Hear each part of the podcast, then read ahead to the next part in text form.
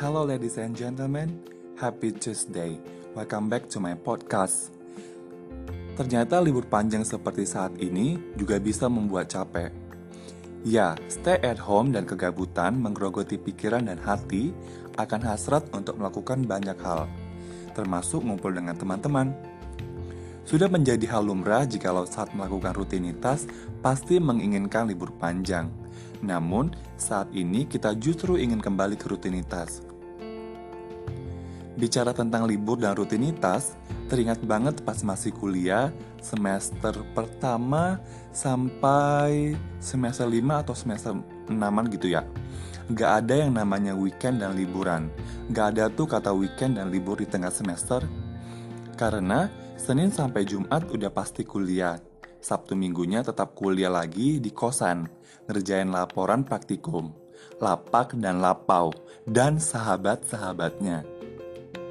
Banyak dah buset, sampai satu pena, eh satu pulpen, bisa habis hanya dalam beberapa hari hanya untuk nulis laporan. Masih ingat tuh, semester 1 udah ada dua praktikum. Ya, dua praktikum dan satu praktikumnya ada dua laporan tiap minggunya, which is asik, which is satu minggunya bakalan ada empat laporan tulis tangan. Hmm, gila emang. Tapi bukan itu aja lur, itu masih dua mata kuliah.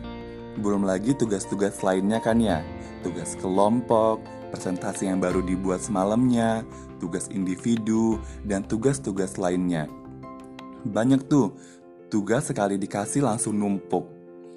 Oh ya, lengkap juga pakai drama rebutan materi untuk presentasi dan sepikan, biar bisa disiapin dan nggak kelihatan bego pas maju. Dan pas majunya, ternyata materinya dikasih random. Kan kampret ya, udah siapin materi ini baik-baik, sampai berbusa mulut latihan. Eh, ternyata yang dijelasin bukan itu. Di semester ini juga masih penyesuaian dengan suasana baru di kampus. Namanya anak rantau kan ya, yang biasanya disediain, sekarang mah harus disiapin sendiri. Tapi kalau anak sultan mah bebas, makan, laundry, dan lain-lain mah gampang. Bicara penyesuaian, tidak jauh bahasannya dengan keluarga baru, himpunan mahasiswa, dan marching band SPDC. Ya, masih maba aja udah ikut dua kegiatan. Di podcast ini, aku gak bakalan bahas tentang kayak mana tuh kaderisasinya atau cerita di dalamnya. Aku cuma mau bilang kalau masa-masa mabaku tuh capek karena pilihan sendiri. Bayangin ya, lu kuliah Senin sampai Jumat, 5 hari. Latihan kaderisasi marching band dua kali seminggu, ditambah latihan untuk kejuaraan marching band jadi bisa latihan sampai tiga kali seminggu dari jam 4 sore sampai jam 9 malam. Kadang bisa lebih, bahkan sampai jam 1 malam lur. Bayangin, anak-anak sectionku pasti tahu rasanya, belum lagi latihan pas weekend. Kaderisasi himpunan nggak jauh berbeda. Kita tuh nggak ada kaderisasi yang terjadwal, makanya disebut panggilan malam.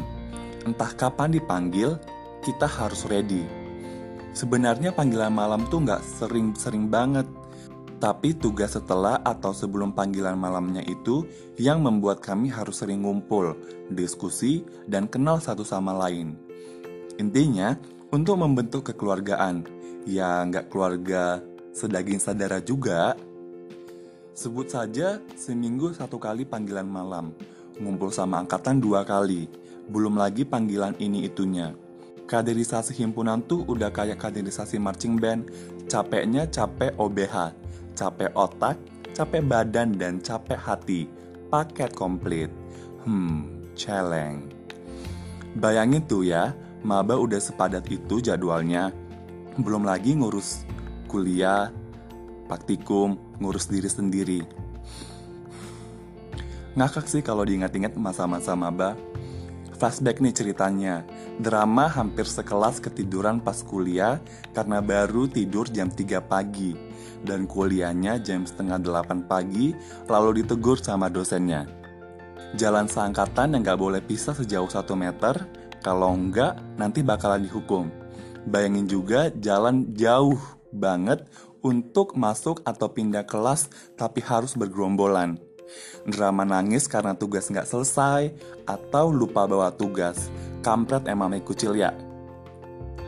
Jualan piscok ke asisten lab dan laboran. Nangis karena berat hati antara milik kawan kesiksa atau tim arching yang gak komplit. Drama dapat pin palsu atau dapat dua pin identitas kekaderisasi hima. Banyak deh drama-drama pas maba, tapi emang jadi cerita yang patut dikenang.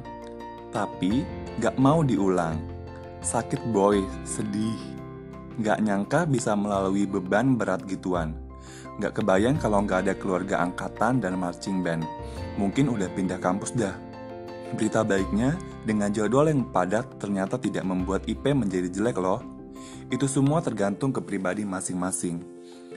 Padat banget dah cerita hari ini, tapi aku cuma mau ingatin kalau kuncinya adalah bodo amat.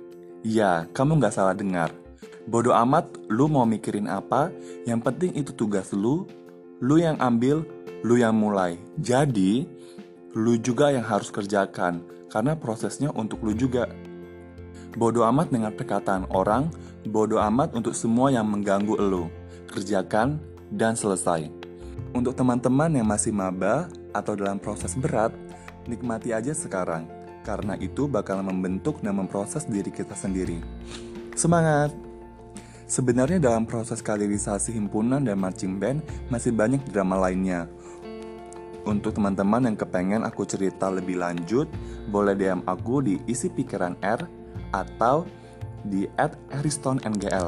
Kalau teman-teman ada topik atau pertanyaan, boleh banget DM aku, nanti bakalan aku bahas. Siapa tahu bisa menghibur dan membantu pendengar lainnya. Terima kasih udah dengerin podcast ini. Sampai jumpa di podcast selanjutnya.